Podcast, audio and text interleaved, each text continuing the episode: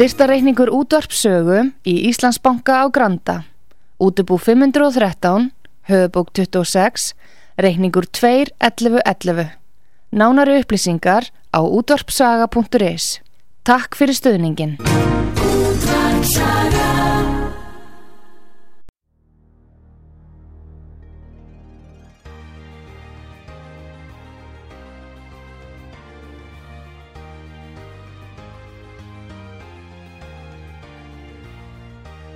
Heimsmálinn í umsjón Pétur Gunnlaugssonar. Fréttir og fréttatengt efni af Erlendum Vettvangi.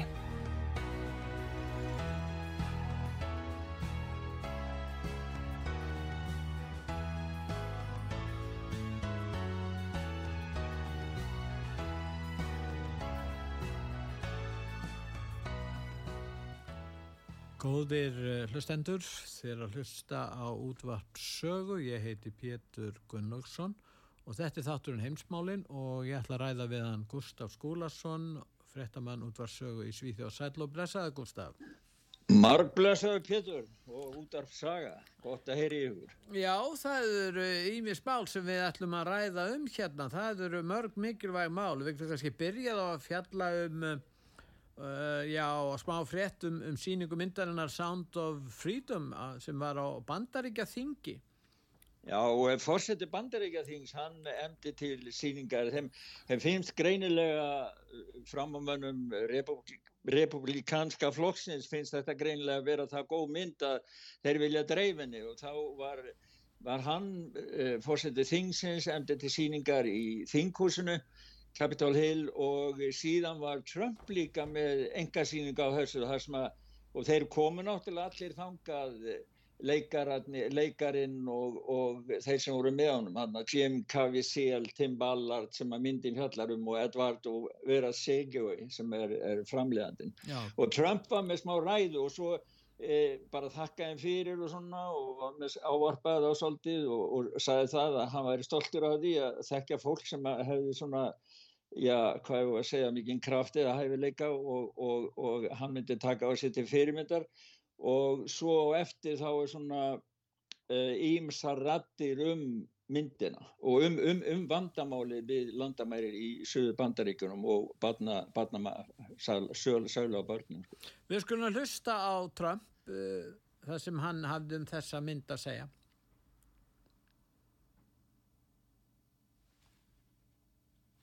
Já, uh, það er, garður svo vel. Já, það er... Já, nei, það kemur ekki. Kemur ekki, já, já. við byttum nú við. Eitthvað tæknir. Já, það er, já, það, það er búið að laga þetta. En okay. Gustaf, og við skulum hlusta á Trump. That was a great movie and uh, I now understand why it's doing so well. Uh, I'd love to have your potential. It is an incredible thing that uh, two movies and you've done others, but two movies, two of the biggest, I guess the two biggest independents ever done. And uh, it was an honor getting to know you. So I hope everybody had a fantastic time. I did. It's an incredible inspiration. And you guys are something very special. Thank you very much. Thank you for being here. And come back anytime. Thank you very much. President Biden does not care about the fate of 300,000 plus unaccompanied children that have been placed with sponsors in the United States since he became president. I have not received a response from the Secretary on what has happened to 85,000 children. Every single person crossing the border now, if they want a good chance of surviving, have to pay a toll to the transnational criminal organizations. It was estimated that a year and a half ago, transnational criminal organizations were making $800 million a year in human trafficking. Pretty sad situation. HHS is responsible for them, and they can't find them. They don't know if they're dead or alive or trafficked or being worked. Why on earth would you not try and take the safest path to get here legally? How much more alarming does it have to get that we would have the White House administration standing up here with us. The kids are in danger. The kids are in slavery. The kids are being exploited. And it should not happen in the United States of America. Why in the world we would allow drug cartels to become rich off of our most vulnerable is beyond me. It's disgusting and it must stop. Já, þarna var Trump að segja frá því að, að það væri þarna, það var tvær myndir sem voru mest sóttu myndirnar sem að sjálfstæðir aðla hafa, hafa stöða, það eru þetta uh, Píslarganga Chris og svo þessi mynd um Sound, Sound of Freedom. Og síðan Já. voru nokkru einstaklingar einmitt að, að taka fyrir það að, að það voru 300.000 börn, 300.000 börn sem að fara yfir fylgdalus yfir uh, landamærin og ekki vitað um, það er ekkert vitallega eins um 85.000 börn, það er enga vittneska að fá um þau og uh, þessi glæpa fyrirtæki er að taka inn um 800 miljón dólar á ári bara í mannsalinu fyrir þetta náttúrulega dópið og allt það. Oh. Þetta er náttúrulega, sko það er enginn að við fengja þessar tölur út af fyrir sig held ég, er það? Nei, nei, nei, nei, ég held að mér sé að tölur þessu sko aðeins yfir, yfir herri, þetta séu mjög varfarna tölur. Já og þetta er svo gríðarlega stórt vandamál og mað, maður sér sko að það er miklu miklu meira í þessu, það er mikið að skilja í Hollywood. Eh, Mel Gibson hefur aldeilis hrætt upp í, í elitunni þar og eh, það er að koma fleiri og fleiri rættir þaðan sko sem að eru á móti því sem að móti, móti, akkurat sem taka afstöðu með þessu. Og svo er elitan sjálf sem tökur afstöðu og er að reyna að gera lítur sem er alveg bara en eh, það er mikil sóknarhugur í þessu fólkum bara, bara, það er bara ágænt að fá svona aðeins smá frétti með þessu því þetta er það graf alvarlegt mál. En er það rétt að þessi mynd verður sínd á Twitter þannig að, að við gætum farið að sjá hana bara ef hún kemur ekki hingað í bíóhúsin? Ég veit ekki sko, ég þekki það bara ekki nægilega vel. Nei. ég hérna Ég skilst að þeir alltaf dreifinu fyrst, þeir eru alveg fókusir að þetta hefur sko sprengt all mörg og þetta hefur farið svo langt fram úr vendingum þeirra að ég held að þeir séu bara hálgeri vímu eftir ví, bara sigur vímu og, en, en þannig að þeir hafi ekki verið búin að ákveða framaldi þannig að þetta sé svona svolítið bara rútu ferð, ferðalag sem að er ákveðið dag frá degi líka sko. Mm. En við ætlum að tala næst um heimsmarkmið saminu þjóðuna í lofslagsmálum og hvernig þessi markmið hafa skert kjör jarðabúa það er einlega fyrsta Já. skrifið og, og síðan er það náttúrulega erum við með hljóðbút með Antonio Guterres. Hann er aðalrítari eða framkvæmdarstjóri uh, hérna saminu þjóðana og hann segir heimurinn sé að stikna. Hvað segir hann þar? já, já hann, hann má, já það hlýtur að vera hans heimur í kringum hann, hann er ekki að stikna hjá mér, Nei. það var bara 16 stað mitt sumur, það var bara 16 stað ég heiti hérna í nótt sko. Þannig að ég Já, ég, ég, hann bara stikni hann þá. Eða heyra Já, við erum svo góð við hann, við viljum endilega heyra. Við leifum öllum röttum að heyrast hérna á sögu, við viljum ekki heyra í Antonio Guterres. Já, ég gerna Humans are to blame. All this is entirely consistent with predictions and repeated warnings. The only surprise is the speed of the change.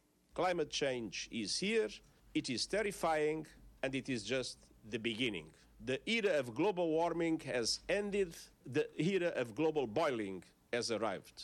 The air is unbreathable, the heat is unbearable, and the level of fossil fuel profits and climate inaction is unacceptable. Já, hann kallar þetta global boiling, eh, boiling. en hann er alltaf að tala um þetta sé lofslagsbreytingar af mannavöldum og þetta sé skelvilegt og þetta er engöngu af mannavöldum af hans, uh, hans mati. Já, hann er bara komið í herrferð gegn mannkynum, hann sagði þetta er allt sem mann, mann, mannkynum að kenna sko. Og svo segir hann það líka loftið, það sé ekki hægt að anda á loftinu, hann lítur að ganga um með gasgrími þá er það að vera með súrefnistæki með sér. En ég setti nú smá myndaðin hann sko, Guðlur Þór Þórlásson og Antonio Guterres Guðlur og hann misti alveg átt, áttavitan þegar hann fekk að stígi pontuna hjá saminu þjóðan, það var svo flott fyrir hann. Og svo fekk að mynda sem er Guterri sko. þannig að ég hugsa að þeir verða bara miða við þannig stikknun sem við erum öll komin í Já. ég verð ekkert að vera að vinna hér í Svíþjóð allavega og, og, og þá þurfa þeir sennilega bæðir, báðir tveir að læra fæður og leggjast í fristikistu næstu dagina sko, komandi tíma er, En ef við skoðum ég... tölunar og þessir heimsenda spámenn segja að þetta sé að stikna eða við erum að vera að sjóða okkur öll að ja. það hafa aldrei verið hafa svona hátt hittastig og þetta sé mest í hittamánuður í, í mannkins, já, sögu mannkinsins. Reyndar, já, júli núna. Já, já júli. Já. En, þeir, en það hefur sko, ef farið til ásins eh, 1936, þá mæltist hittastig 46,7 stig á Celsius. Það var hittametið. Er búið að slá það hittament, veistu það? Nei, ég held ekki. Ekki, ekki bandaríkjum þetta er talað fyrir bandaríkjum Já, já, við höldum okkur Þeir byrjuðu nú með mælingar á þessu held ég Já, já, já og sko það var, það var eh, miðli bandaríkjum sem að byrti var fljótur að byrta eftir þessar yfirlýsingu Guterres. Þá byrtu þeir tóku saman sko hítast í 1936 sem var heitasta árið. Og þá voru uppendur 70-80% af mælingastöðum sem gáfu mjög mikla, mjög háan hita. En í dag voru það bara þetta er 12 eða undir 20% sem að mældu bara 30 eitthvað, eitthvað Celsius. Þannig að það er, sko, þetta er alla tölunar og línuritt yfir þetta. Línuritt yfir þetta líka á heimasíðusögu það er þetta að fara inn og sjá staðrindinnar þannig að allt þetta sem þessi fullgerings Guterres þetta er bara, bara lí, þetta er bara, bara fals, þetta er falsfrétt hann, hann, hann kemur ekki með sannleikan júlimánuður núna er ekki heitast við júlimánuður í heiminum. Það er alveg klart Já. en uh, hérna það eru fleiri. Það er hérna þekktur uh, Nobelsvæluna hafi sem að fekk uh, Nobelsvælun í eðlisfræði í fyrra 2022 og hann, hann heitir John Glauser þetta ekki? Já, John Glauser, já. Hann, já. hann hérna, hann er hvað ég, kvantum uh, vísendum svona vélfræði er, hann er já, starffræðingur sko. já, eðlisfræðingur. Það fer eðlisfræði velun já, hann fekk eðlisfræði velun, alveg rétt. Og hann sræði núna, hann er orðið meðlum ég hafa ekki hugmynd um það en það er til samtíð sem heita CO2 coalition eða sambandi í Kóru og hann var á vísendar ástefning á þeim. Og þetta eru vísendamenn uh, í heiminum sem að berjast gegn uh, vanvísendum eða falsvísendum og hann held ræðið þar og hann var beðin um það að tala fyrir ungum, gefa ungum vísnandumennum í dag ráð hvernig þeir getur unnið í þessu. Og uh, hann segir það sko að hann listi því yfir á þessari ráðstöðinu að IPCC, það er International Panel of Climate Change sem að saminuð þjóðnir eru með að það sé bara humbúk, hann gjör samlega að saga það og bara í, í, niður og, og, og listi frát á það og hann segir það, hann átt að halda fyrirlestur hjá uh, hérna, Alþjóð Gjaldirisjónu og, og bjóðunum það og flott. Já, já. Og, og, en svo þegar hann lísti því yfir og kom með gaggríni og sagði það að hann var búin að þróa nýtt mótel líkan sem að afsannaði líkanin eða síndi fram að galla þeirra líkana sem samlið þjóðunar hefur notað þá hættuðu við og bönnu honum að koma. Já, en hann, hann til þess að segja frá sínu lí, líkanu sko En, en hans, hann varar allan heiminn við því, hann segir það að það sé verið að skerða lífskjörjarðarbúa og orkukreppan munir stöðust versna vegna rángra stefnu lofslagsvísindana sem hann kallar það. Og, og hann hérna sko það, ég, það var með á síðan hérna, við höfum rætta áður 1500 profesor og vísendamennum allan heim sem hafa gefið út alþjóðlega yfirlýsingu, meira, ég held að það sé meira en ár síðan. Það lítið talað um þetta í þessum hefðbundu fjölmjölu hérna hjá okkur. Já, og ég, við erum með smá hljóput með honum eh, ekki það sem hann er að lýsa frati á, á, á saminuð þjóðnar, heldur það sem hann er að útskýra raunverulega vísendin Heilu Heyrum í Nobel-tvelunahafanum, John Klaus. Well-educated scientists help solve the world's problems by acting as scientific fact checker. A fact checker's most common problem, unfortunately, is determining what is true and what is not. Uh, the world is awash with someone else's perception of truth as an alternative to real truth. Perception of truth frequently differs significantly from real truth. Moreover, given sufficient promotion and advertising, perception of truth becomes truth. Its, its promotion by commercial enterprise is called marketing, commonly used in the furtherance of, of political, commercial, or various opportunistic ends by its promoters. When promotion is done by government or political groups, it's called spin or propaganda. To such a promoter, perception of truth is truth. If you can sell it, it must be true. If you can't sell it, it must be false. Perception of truth is also malleable. If you can sell it, uh, if you want to sell it and you can't sell it, that's easy. You change it. You can change truth. You can claim false observations if necessary. Já, hann er að fjalla um hlutverk vísindana og talar um þetta sé hjá mörgum spunni fyrst og fremst sínd en ekki raunveruleik. Já, hann er sko, mér finnst hann alveg verið að lýsa sko þessum lofslagspredikantum og heims, heims dómstagsspámanum í dag mm. að þeir, þeir búa til eigin raunveruleika sem ekki fylgist á staðrindum og svo geta það breytt honum ef að fólk kaupir það ekki og sem að stjórnmálamenn gera og þetta er bara áróður. Þetta, þetta er síndarveruleiki sem byggt Já. er á, á hérna villu.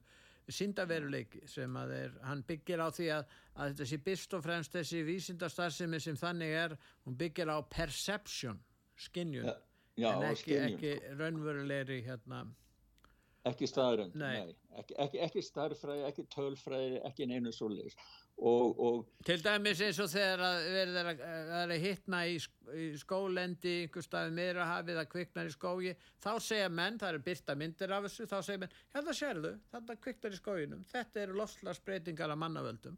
Og þá taka Já. menn undir það og með þess að tala, tala við fólk á staðnum.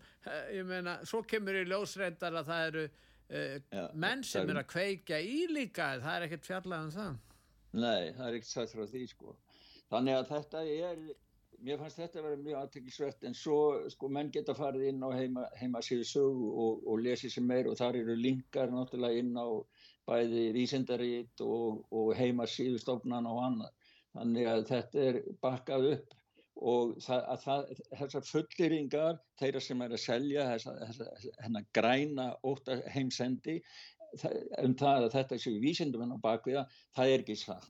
Þetta er rán vísindamenn sem að styðja það eru flestir á launum og þú er ekki annað. Fá rannsóknarstyrki, þú má ekki glemja því Já, og fá rannsóknarstyrkja hann. Mm. En ég var að lesa hérna, sko, því þeir, hann hefur sagt að Guterres 97% af vísnur verður stið okkur. Og þá voru einn annar vísnur sem já þetta er bara della sko, sem sagði það, já þeir koma kannski að spurja, ertu sammálað því að, að kóltísýningur hafi áhrif á, á jörðina eða lofslægi og þá sinna alltaf allir já, já, já, því að það er hlut á lofslæginu, en síðan koma hinnir út frá saminu tjónum að segja, jörðin er að farast, þetta segja vísindarna.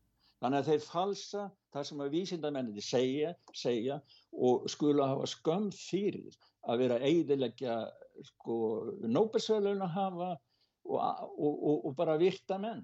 En það eru fleiri heldur en þessi nóbelsvölun hafi sem að hefur verið að, að fordæma þessa stefnu og það er frægur kjarnorku ellisfræðingur sem heitir Wallace Mannheimer.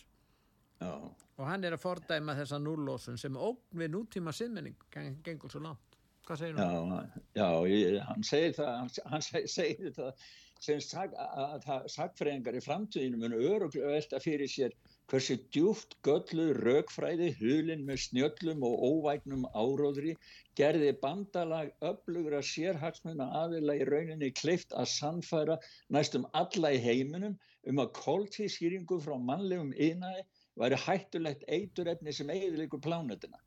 Þessa verður minnst sem mestu fjöldablekkingar í sögu heimsins að kóltísýringur sem er lífsnauðsynlegur plöntum var um tímatali banvand eitur. Já. Hérna er fló. Ef ekki að heyra hlust á hann, við erum með bút með honum, Wallace Já. Mannheimer.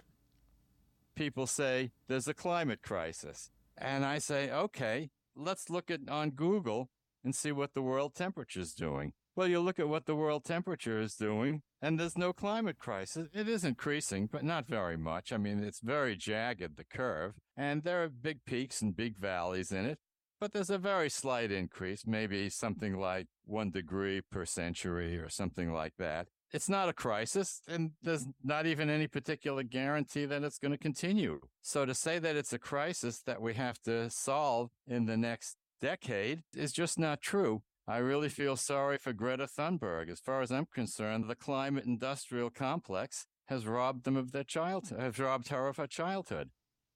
Já, hann er að segja að þetta sé ekki lofslagskreppa og þetta sé lítil hækkun hittastiks sem verið hefur.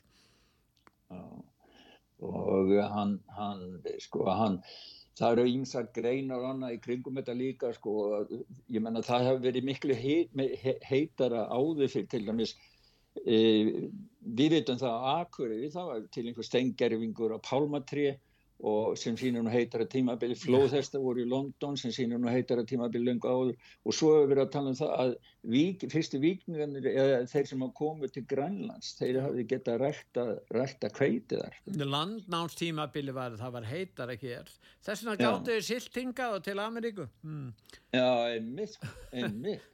Þannig að það, það, það, þetta er sko þetta er alltaf að koma skýr og skýr í ljós, þetta er bara tilbúningur, þetta er bara, bara hérna, viðskipta hugmynd sem notar hæðsluna á fólk til að þynga til að kaupa eins og núna þessar vindmilur og þetta kýmverska drasl, sólar sko það sem er munurinn á, á eins og hann talar um orkuna munurinn á þessari grænu orku til dæmis eins og fyrir Íslendinga, af hverju eiga Íslendingar að hætta að, að, að virkja ár, ár á, sko vassvirkjanir þær hafa miklu miklu þegar þú búin að borga þér upp þá byrjaði bara að, að tikka inn hagnar allan tíman ef þú tekur vindmilur og sólarorku, þetta er genið svona búið til úr umhverjusvænu efni, það verður að urða þetta er þetta búið og lífstímin er 25-30 ár. Já. og svo þetta búið til að kaupa nýtt.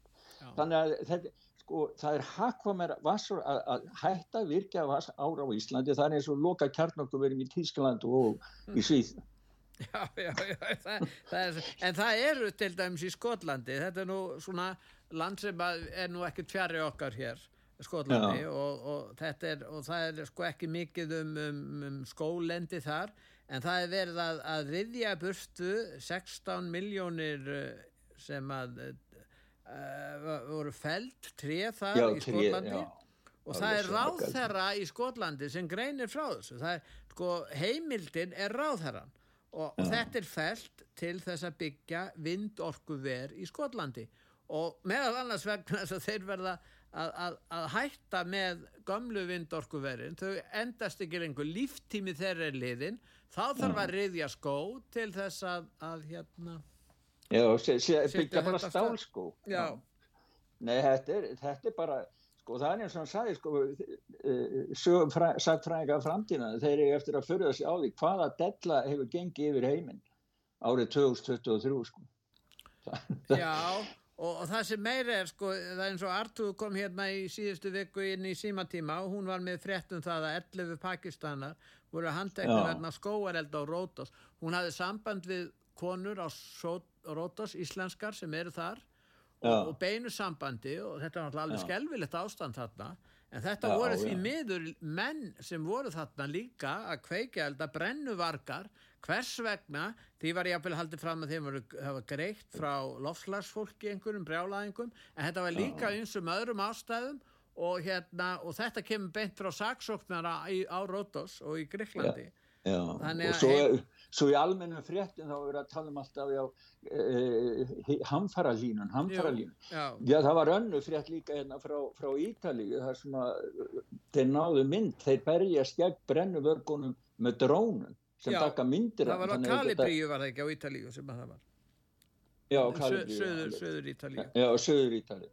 Þannig að þetta er, þetta er, já, þetta er það er ímislegt í spilunum og svo erum við náttúrulega með vinn okkar í annari baráttu, ekki bara baráttunum við þetta græna, græna heldur, heldur globalistana í böngunum. Já, Nigel Farage, já, já.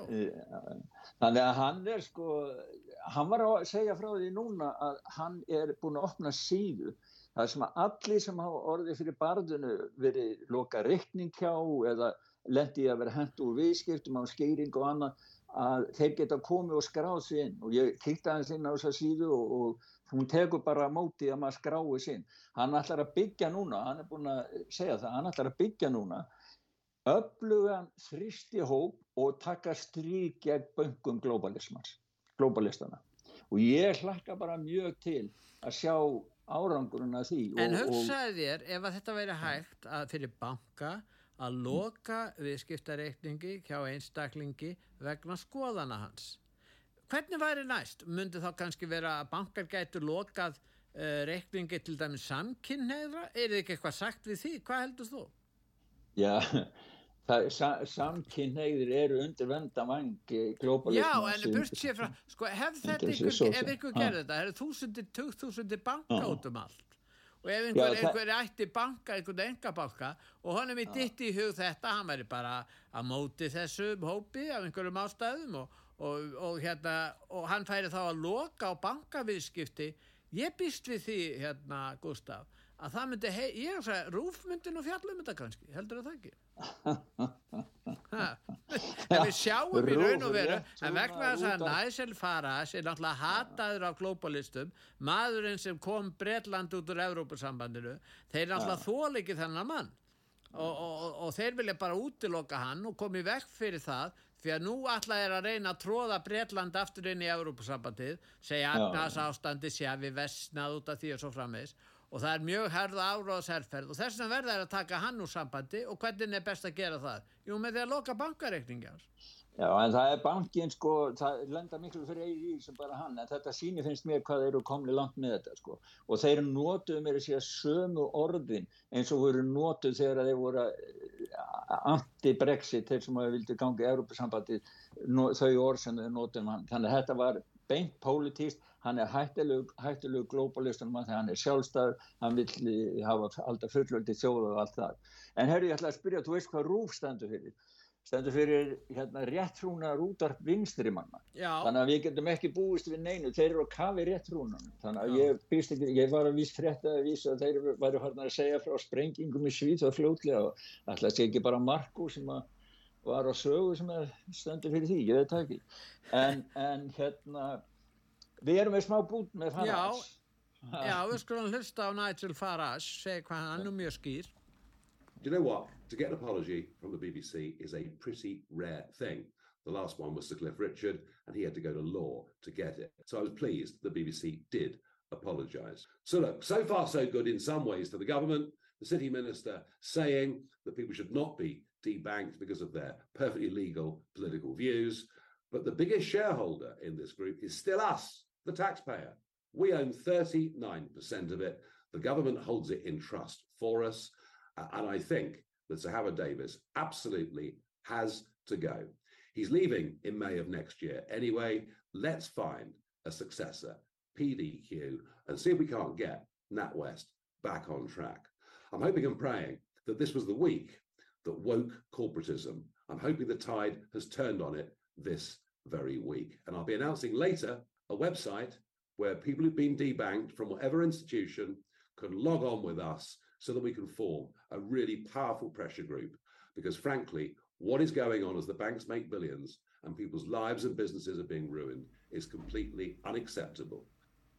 Já, hann eh, var að tala um það að hann fekk afsökunna beðni frá hérna, svarað, eh, frá BBC og hann er eini ja. maður sem hefur fengið það já, og Cliff Richards sem var sakað ranglega um að vera eitthvað skonar uh, eh, kynferðisklæpamaður sem var náttúrulega skelvilegt og auðvitað Cliff þurfti að standa í málaferlum og, og náði sínu fram ja. en, en sko en, en, en þarna er, er, er hann að benda á þetta að, að þarna er bankin að loka á, og, á hann og svo eru umfjöllin um það mjög neikvæð Já, já.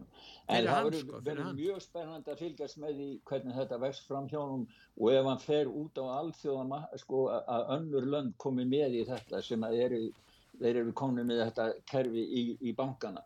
Það er til dæmis í bandaríkunum, það voru að koma núna, sko, þeir voru að loka hjá Merkóla, hann er, er með heilbriðsfyrirtæki, hann hefur nú verið eftir, bara eftir lístur glæpamaður. Merkóla Market er það ekki á staðspunnans? Það er búið að loka líka hjá starfsmönnum Já, loka líka hjá starfsmönnum Já, það er ég. Merkola Market heitir þetta, þetta er helbriðsfyrirtæki og, og hvort var það Chase Manhattan Bank eða var það JP Morgan? Það var annarkort þessara banka, mannstu það? JP Morgan bank, banki sem að sagði fyrir að samgátt frettir sko.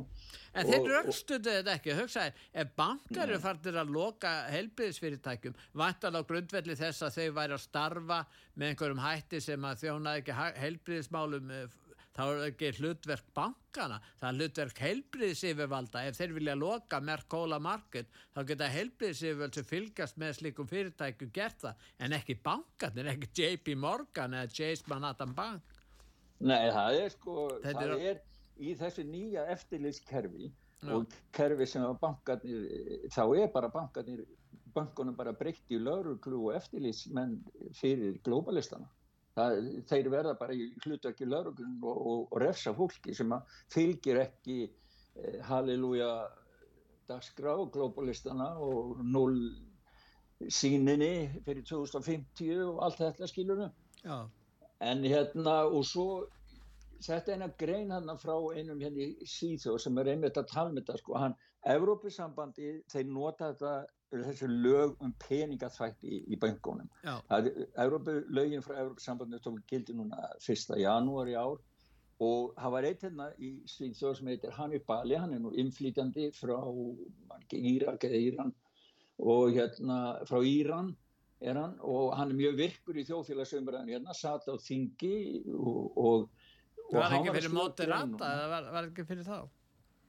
Fyrir móti ratana, fyrir einmitt en hann er sko frjáls veist, hann er sjálfstæður, hann hugsa sjálfur og hann í öllum viðræðin sem hann er með í alls konar þáttum í sjónvarpinu, útvarpinu, út um allt mm. þá, þá segir hann sjálfur hann rekur ekki bara hann er ekki bara blindur skilur flotts blindur Nei. en hann var að lýsa því sko að hann var með fyrirtæki að, að sko áður fyrir þá er þetta náttúrulega flókja, hann er þetta fylla í, í, í pappir og annað en það tók ekki svo langan tíma. Núna tók það fleiri mánuð og hann lýsir í það var svolítið, svolítið skemmtilegt hjá hann þegar öllum upplýsingum hafi verið sapnað saman, þetta var gildað um þetta nýja. Hann er svona að gera grína þessu. Þar á meðal skóstæðir sýstuminnar ofnæmi mömmu og stærði naflahás föðumins, þá þurfti ég að býða eftir næsta fulla tungli á virkum bankadegi í mánuðu með 8 tölu til að fá samþýtt að opna reikning.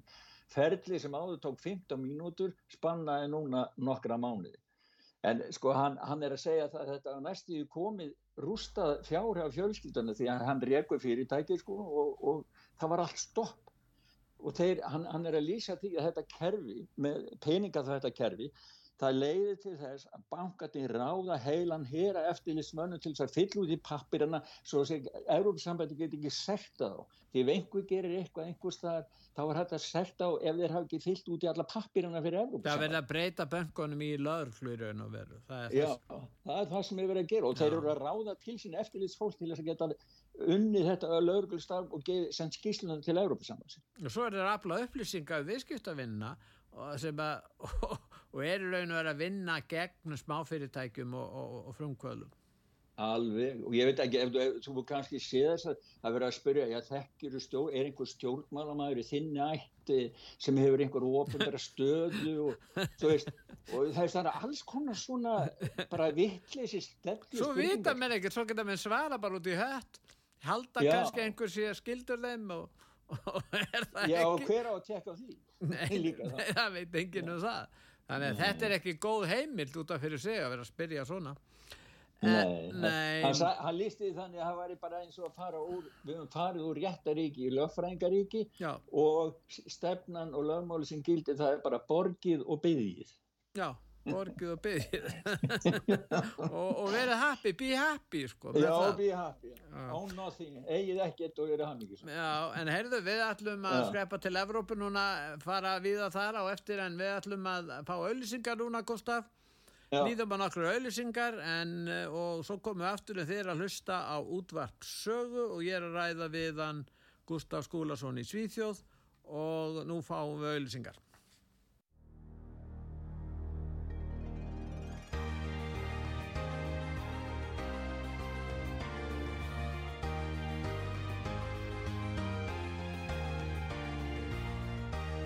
Heimsmálinn í umsjón Pétur Gunnlaugssonar.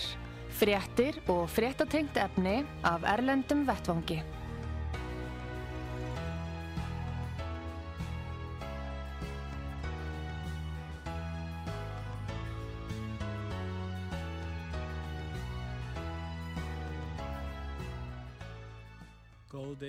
Hlustendur, er að hlusta á útvart sögu, ég heiti Pétur Gunnlaugsson og ég er að ræða við hann Gustaf Skúlason í Svíþjóð. Gustaf, hann Viktor Orban heldur því fram að heimurinn sé á leiðinni átök og það er aðteglisvert hvernig hann stillir þessu upp, hann telur raun og veru að minkandi áhrif og völd bandaríkjana, nignun bandaríkjana, sé raun og veru einu ástæðan fyrir því að heimurinn sé á leiði átök. Já, það er... Það er það sem hann er að segja.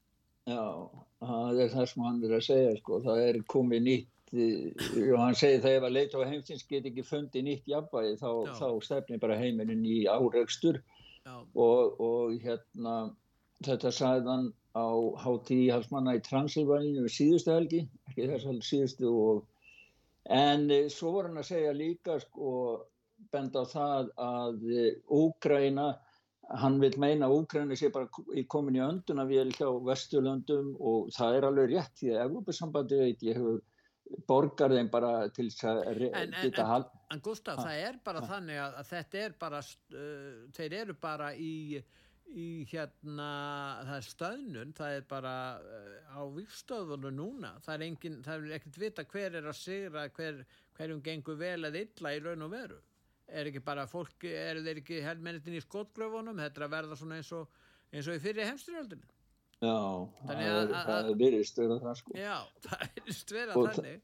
Já, og það, það er sko, hann segir það sko, úgræna menn séu orðin kraftlausir og þá vil hann meina það að ef að það er rétt hjá honum að það sé bara vestræni peningar sem haldi stjórninu og úgrænu sem landi gangandi að þá sé ekki lengur hægt að tala um að þetta sé stríð á milli úgrænu og Rúslands heldur á milli sem sagt, En það sem, var, það sem var að gerast það verið að sko, sá viðtalið Selinski og hann var að já. segja sko að færa átökin yfir til Rúslands og þá náttúrulega og svo segja rúsatir að, að, að það væri ekki hægt að senda þessa dróna að hefja þessar árásir, það er einhverjar sprengjur og, og drónar sem er að koma inn í, inn í Moskvu og, og það er ekki hægt að gera þetta nefn með aðstóð bandaríkjana þannig að rúsatir að tólka þetta þannig að þeir séu komin í bein, ekki bara óbein, heldur bein átök við bandaríki Já, og, og svo eru þeir að ítrykka sko, einaferðina enn að þeir munu nota ef, ef þeir upplýri að, að, að það sé mikil hægt á ferðin fyrir rúsneska ríki þá, þá munu þeir beita kjarnogókn þannig að þetta, sko, það, þetta, er, þetta er bara komið út í tóma en, en hann hérna þá var viðtal við Robert F. Kennedy hann var á, á junior. Hann var hann, mjög góða afstöð það átti nú aldrei að slakka í húnum hann er til hjá Fox og var með hann í viðtali svona og fullt af áhórundum í kring. Já. og Robert F. Kennedy setti bara alveg von í hann og fólk klappaði fyrir hann þó að það sé svolítið erfitt að hlusta á hann það er svolítið erfitt, hann er með einhverja veiki í halsinum Já, er... ég held að maður einu geta, við getum það sagt á eftir hvað, Já, við skulum heyra hvað hann segir Robert Kennedy Jr. France, Germany and Russia all agreed to the Minsk Accords That year, Zelensky ran for president. He was a comedian. He had no political experience. Why did he win? Because he, he won, ran on one issue, signing the Minsk Accords. As soon as he got in there, Victoria Nuland and the White House told him he couldn't do it. Putin sends 40,000 troops in. That's not enough to conquer the country. Clearly, he wanted us to come to the negotiation. He wanted somebody to come to the negotiating table. Zelensky came to the negotiating table signed a new agreement that was the Minsk Accords 2 in 2022, and that would have allowed Donbass to stay and Lugansk to stay to remain as part of, of Ukraine. We said Putin signed it, Zelensky initialed it, and Putin, in good faith, began withdrawing troops from the Ukraine. What happened? We sent Boris Johnson over there to torpedo it because we don't want peace with. We want the war with Russia. What, what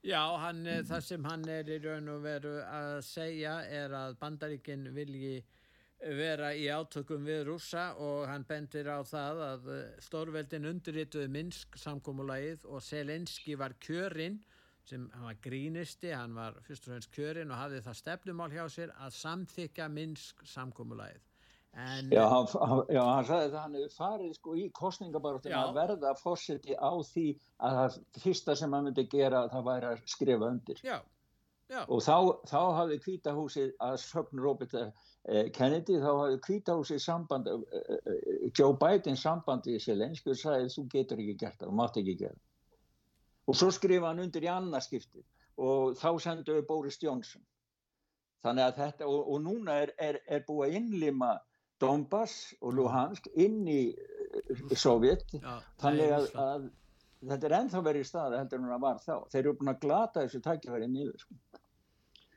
en, en hérna þetta er mjög, mjög sorglegt hvernig þetta hefur þróast í raun og veru Já, við höfum oft rætt og ég hef oft heyrt þér að það líka skiluru með minnsk að maður hefði oft að samþykja það. Það, það er stóra málið í þessu, það var gert samkómulag. Já, það var gert samkómulag en, en það, þannig að það eru öll sem að vilja ekki fríð og hann segir það bara beint út við, sagt, við bandaríkjaman þá, við viljum ekki fríð, við viljum stríð við Rúsland. Þannig að hann er að strika undir það sem að svo margir hafa sagt í langan tíma núna að þetta eru öll sem eru úti eftir einhverju öðru í Rúslandi heldur en að verja landamæri í Úkræn. En í Þískaland er flokkur sem er að sækja sér veðrið, sennilega orðið næstæstir flokkur við þakkað skoðanakönnum, það er hérna alternatív fyrir Deutschland eða valkostur fyrir Já. Þískaland og uh, þeir hérna varaformaður flokksins Bítri Beatrix von Storch heitur hún er það ekki? Hún, hún hérna talar um það sé betra að hafa frið en stríð. Þeir eru nú sakar um að vera einhverju öfgaflokkar. Yfirleitt eru hæri sinnaður öfgaflokkar allir miklir ofbeldisflokkar og talsmenn styrjalda.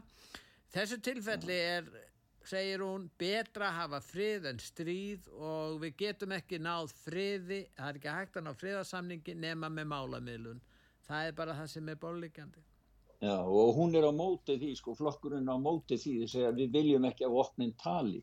Við, við, þannig að þeir eru á móti afhendingu vopna til Úgræn, til þau vilja stýða friðin. Og þetta var aðeins að heyra í... Já. Heyrum í henni, já. No, what we know is that big majority of the people voting for us or saying they would, would vote for us um, are supporting our program. They want a political change in terms of migration. They want to stop migration. They want to stop illegal migration.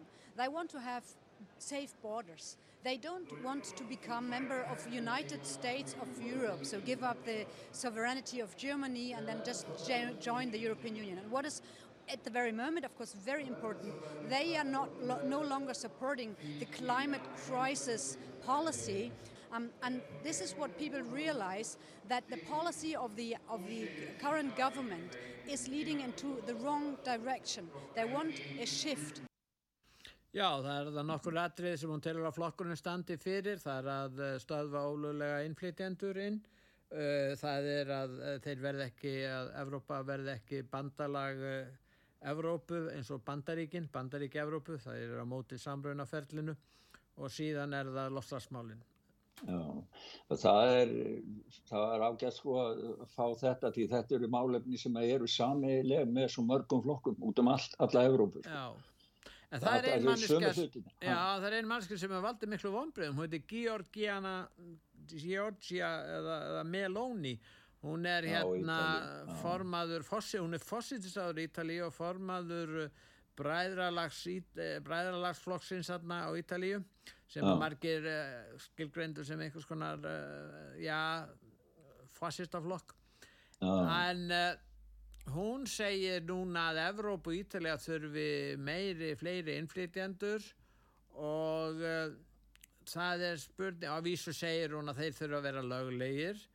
En það eru margir sem eru óanæður og orðu fyrir miklu vombriðu með hana, hún hefur ekki verið hún lofaði að taka mjög ákveð á þessu málum, bæði þessu málum og öðrum og hún hefur bara ekki gert það. Hún er fyrst og fremst sittur á skrifstofið þarna hjá þeim hjá Evrópusambandinu og er að væla út úr þeim peningum held ég, er það engin reyna ná Já, já, það, hún er alveg snúst í sko, hún, Þeir hafa bara tankar haldt á Ítalíu, Ítalíu er á, er á hausnum.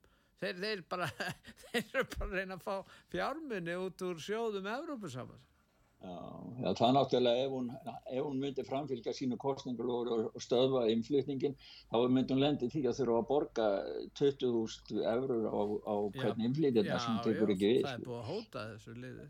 Alveg, sko, Európa-sambandi, sko, þetta er ekkert fríðarsambandi eða þetta er bara orðið, það er bara allt, þetta samband sem gengur út á hótanir og ofbeldi og, og rít, sko.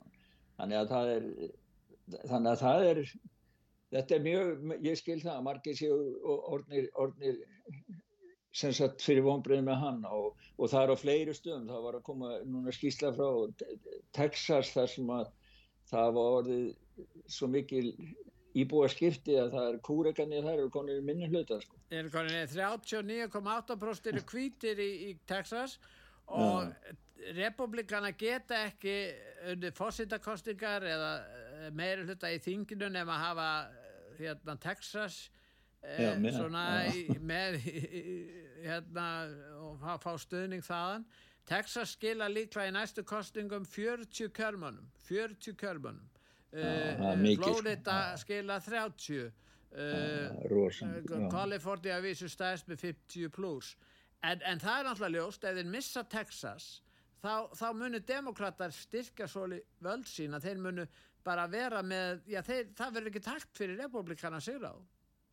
Já og það kemur, sá dagu kemur og við fáum svari við því en það sem er svo, sko mér finnst vera í sambandi, sambandi við þetta, það er, sko það er allstað, sko ákvöru er til dæmis að Európa-sambandi að koma á að það eigi að flytja inn. Ákvöru er verið að flytja inn allt þetta fólk. Það er, það er sko eins og hérna í Svíð og það er bara allt komið í sænska samfélagi, það bara er ekki það þekkist bara ekki í dag með það hvernig það var fyrir 20-30 árum síðan. Mm. ákveður að vera að setja inn fólk frá Afríku Araparíkjanum inn í Evrópu og það bara haldi áfram áfram, áfram, þrátt fyrir allt ofbildi, þrátt fyrir mótmæli fólk þrátt fyrir að, að, að innflytjendur aðlæða sér ekki að, að þjóðfélónu sem þau flýta til margir þeirra. Þannig að sko það er einhver, það er stefna á bakvita, þetta er eitthvað meðvita þetta er ekki eitthvað sem bara allt í nú hefur dottið niður og ringt niður það eru tvær ástæður. Eh, sumir ja. Eh, vinnuveitendur vilja nýta sér þetta vinnuafl ódýrt vinnuafl og styrkir hérna, samnýstöðu þeirra gagvart verkarinsreifingunni hinn er ja. hins vegar flokkandi til vinstri, þeir sjá þetta möguleika á að, að fá meira fylgi í framtíðinu með því að lofa þessu fólki betri aðganga velferðarkerfinu, auka umsvið velferðarkerfinu sem er fyrir þá. Þannig að, að það er alltaf ljóst að, að þegar innflytjendur eða ólöglegir, hversu þeir eru ólöglegir eða löglegir og hælisleitur koma til Vesturlanda og þá eru það stjórnmálaflokkar sem lofa að útvega húsnæði e, og, og helbriðstjónustu og bara hvað sem er í raun og veru og jáfnveil bein fjárframlög og síðan að tryggingar og annað. Þá... Mm þá er ekkert ólíklegt og það er bara ósku beðlegt að þetta fólk kjósi þessa flokka Já, sjá, já, sjá hvað þið eru að gera á Íslandi hvað er Íslandinga margi? 300 og eitthvað þúsund manns right? Já, 390 pluss Já, 390 pluss, já og hvað ætlaði að taka marga svona hælisleitendur inn til landsins? Mér skilst að þeir vilja að alltaf verði ekki konunir eftir svona tíu ár þá verða konunir upp í 50.000 sko hælisleitendur. Fyrir utan náttúrulega alla sem komum frá Evrópu eru bara að vinna hér, það er allt annað. Já og það verður að tala um það að það er ekki lengur tölu íslenska. Íslenskan er í hættu. nei. hvernig heldur það verður eftir tíu ár? Ég menna hva, hvaða, hvaða stefna er á baki þetta Áhverju voru allt inn að opna upp, áhverju fór Íslandi inn í Schengen, áhverju voru allt inn að opna upp og ekkert eftirlit með neinu. Hvernig komast öll þessi fylgdal, eru hvað eru mörg fylgdalauðspöðn á Íslandi? Já, þau, já sko það eru sko það eru 105 núna sem já. hafa komið eh, yfir landamærin og, og hérna og hvernig komist þau yfir landamærin? Ég veit það ekki Sindu þau til landsins? Nei, allir ekki bara, ég veit það ekki þegar þeir bara komu og svo æsti að sjá Barbie myndin á Íslandi og þeir bara einhvern veginn komust yngar Já, nei, ég menna sko nei, það er ykkur það er, nei, ég er bara fullir af, ég getur rætt að betur setna, ég fullir það bara að það er, er, er dasgra á bakvið þetta, sko, það er stefna á bakvið sko, það er svona fyrir að glýta Það voru örfáir hérna hælisleitenda fyrir nokkrum árum síðan.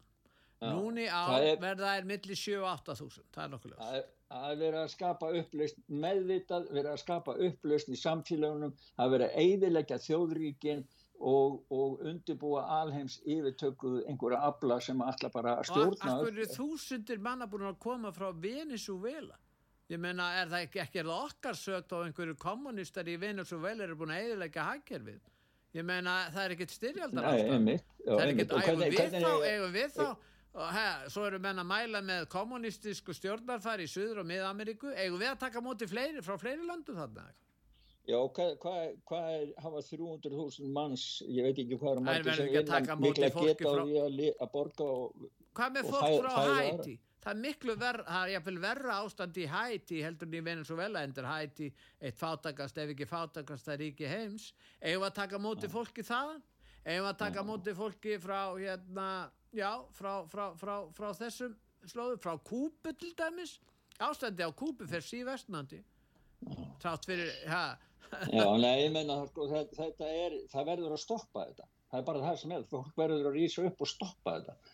Það verður bara að henda út þessum ónýtu stjórnmálamönnum og fá, velja sitt eigin fólk sem að gerir eitthvað í málunum. Ekki, ekki framfylgja ekki þessari stefni sko En það er nú bara svona mín, mín privata skoðum. Já, já, það er, já, við erum alltaf að sjá um þetta, hvernig, hvað er að gerast. En við já. ætlum kannski að fara frá Texas, þar sem að hvítir er konin í minnilutta og verða, ja, þeir kannski þegar er orðin minnilutta hópur, kannski fáður einhver fá réttinn út af það. Já, kannski. Kannski. Það er alltaf að vita. deilt störfun til sín frá svörtum eins og svartir er að gera frá kvítum kannski niðugreita kúrikahatta kannski frá kerfinu en við vorum eitt hljóputi viðbútanna frá við vorum með aðsmum COVID sko það var eitt hérna sem er að berja sér COVID og er að tala um það að þetta sé sko, álíka mikið deadlines og græna deadlines sko, hvernig þeir, hvernig þeir verja, verja COVID. Er það sem heitir Big Tree? Það er svona skemmtilegt nafn. E, já, skemmtilegt nafn maður. Það er hljóðbútur, höstum á, á hvað hann hefur að segja um vísindin. Já. Healthy, you know, of, of, completely unvaccinated people compared to fully vaccinated people to see is there a signal? Are there some health issues rising in the vaccinated that the unvaccinated aren't getting? Anything like that, any trial like that, to simply have the trial would signal to the public that we're questioning this. And this is when you realize science has now turned into a religion. It's become an orthodoxy that it is more important that we hold on to the confidence factor, the faith in this product and everything that it represents than to ever do anything that would put a question into it. The science is not being done at all because they are paralyzed with the fear that it will undermine our trust and faith in this program. Já. Nei, hann er bara að segja það sko að þetta sé bara að þeir sem er að verja þetta það, þeir eru ekki opnir einu sinni fyrir því að, að það geti verið neitt annað vegna þess að ef það er komið með gaggríni til dæmis að, að það getur verið munur á bólusettum óbólusettum að þá, þá, sko, þá er bara eins og að það sé verið að setja kerfið á haus og þeir séu lífrætti, döðrætti við að taka, takast á við það. Óttin lamar yfirvöld og vísindin. Já. En, nei, nei, já. En þetta er að gerast nú og þetta er fleiri meira eh, tímin er að hlaupa frá okkur en, en þetta er umframdauði sem samsvara stórslýsi segir Lars Bern. Já, það er bara hann, hann var með svona, var að tala í hjá Söptiði, þeir eru með svona sumar deskra og þar sem að fólk talar og hann var að ræða þetta að, að einmitt það sam að, að og hinn var að tala um að það mætti ekki tala um þetta sko. Já, samt væri, það ta tala engin um þetta en, eða rannsakaði einu sinni allan umfram dauða. Og svo er það hérna uh, hérna læknar í fremstu výlinu Frontline Doctors frá Ameríku.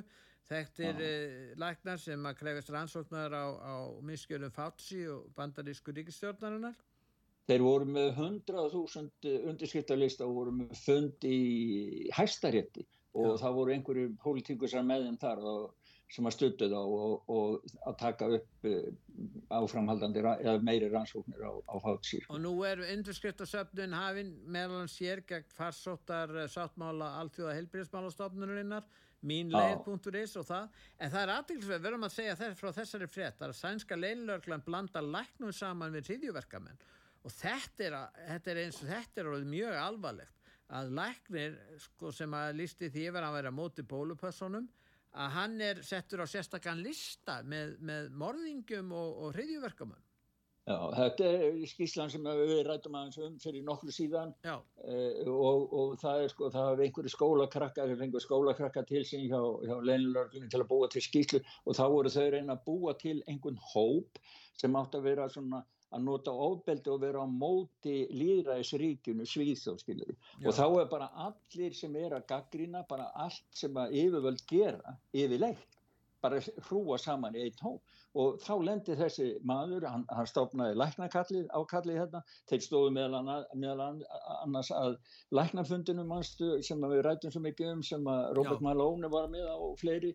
Og, og þeir eru með sko bara vísindarlega umræðu um öll þessi mál og, og þá er þeir bara settið með þarna með, með hríðverkasamtökum á morðingum Þetta er náttúrulega, þetta er, þetta er alveg al, þetta er algjörlega... Þetta er eins og þegar verður að kalla menn rasista eða þau vil ekki hafa opið landamæri, þú veist hvernig það er. Þetta er alveg það sama.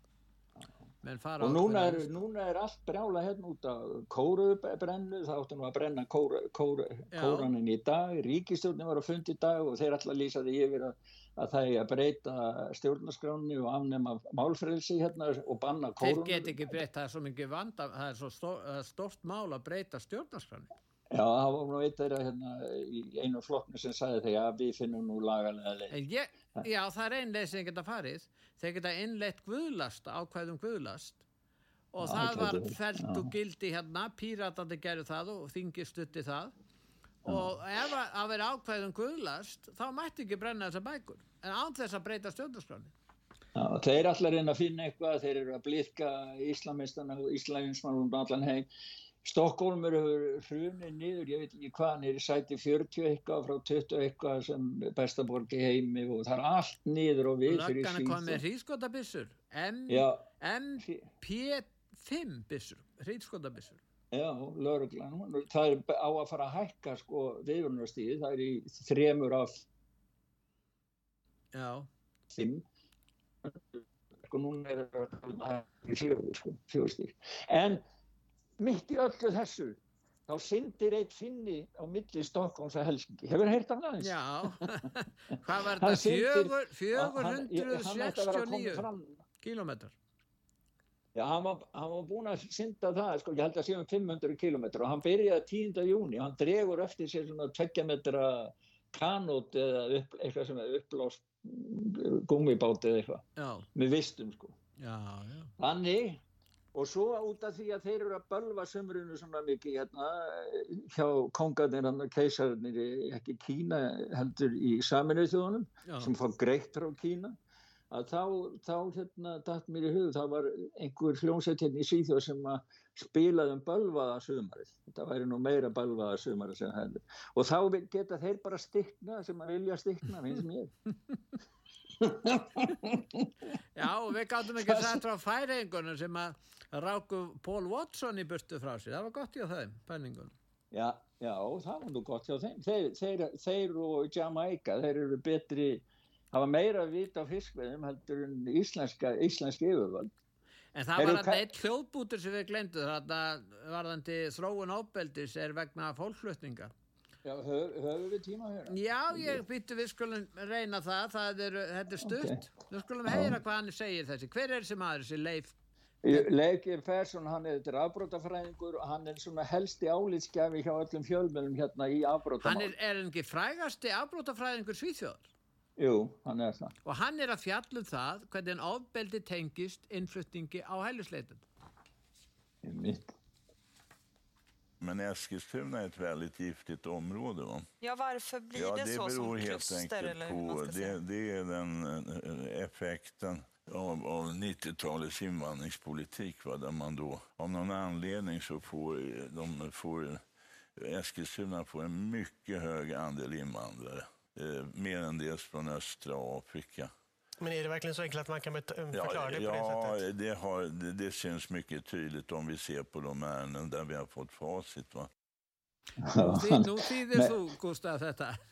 Já, nei, hann var bara að segja það sko að Eskilstuna, þeir hefur fengið svo mikið fólksinflutningskið, það er bara, það er bara umsátus ástandar, það er bara skotbardaðar, daglegi skotbardaðar, ég meina krakkarnir býðum skotvesti til að fara í skólan, Já. það eru panikherbergi í skólunum, þú veist þetta er bara allt í steik, samfélagi er bara upplöst, þetta er lítill bær og það samfélagi er bara í algjör upplöst og þá segir, þeir voru voðalega móka, hann var á, á rás fjögur til fjögur sem er nú ekki ríkir sko, en þau bara, hvað er þetta að segja þetta svona, þetta sé bara það, já þeim, já við erum með gögnum það saman. Nú við ætlum að spila lægi sem Valdir Gustaf Já, og... núna, þetta bölvaða sumarið er komið. Það er bent send. Með sérstaklega kveði til allra sem er að stikna. Ok, þakka ég fyrir Gustaf Þakka ég fyrir Pjóður Bless, bless, og við löstum á læð Bless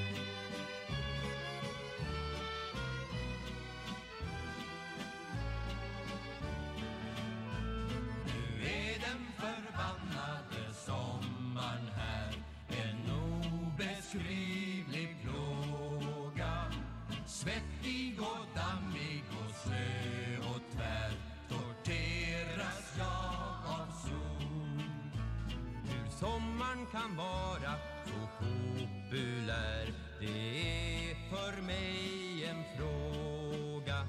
Jag pustar och flåsar med stort besvär. Bland sippor och viol Fan vad jag plågas och lider. Huden är rödbränd och svider. Svedan är värst bak på ryggen när solen gått bort kommer myggen. På dagarna får jag visiter Av småkryp som stinger och biter. Spyflugor, humlor och bromsar Och myror och getingar. Törsten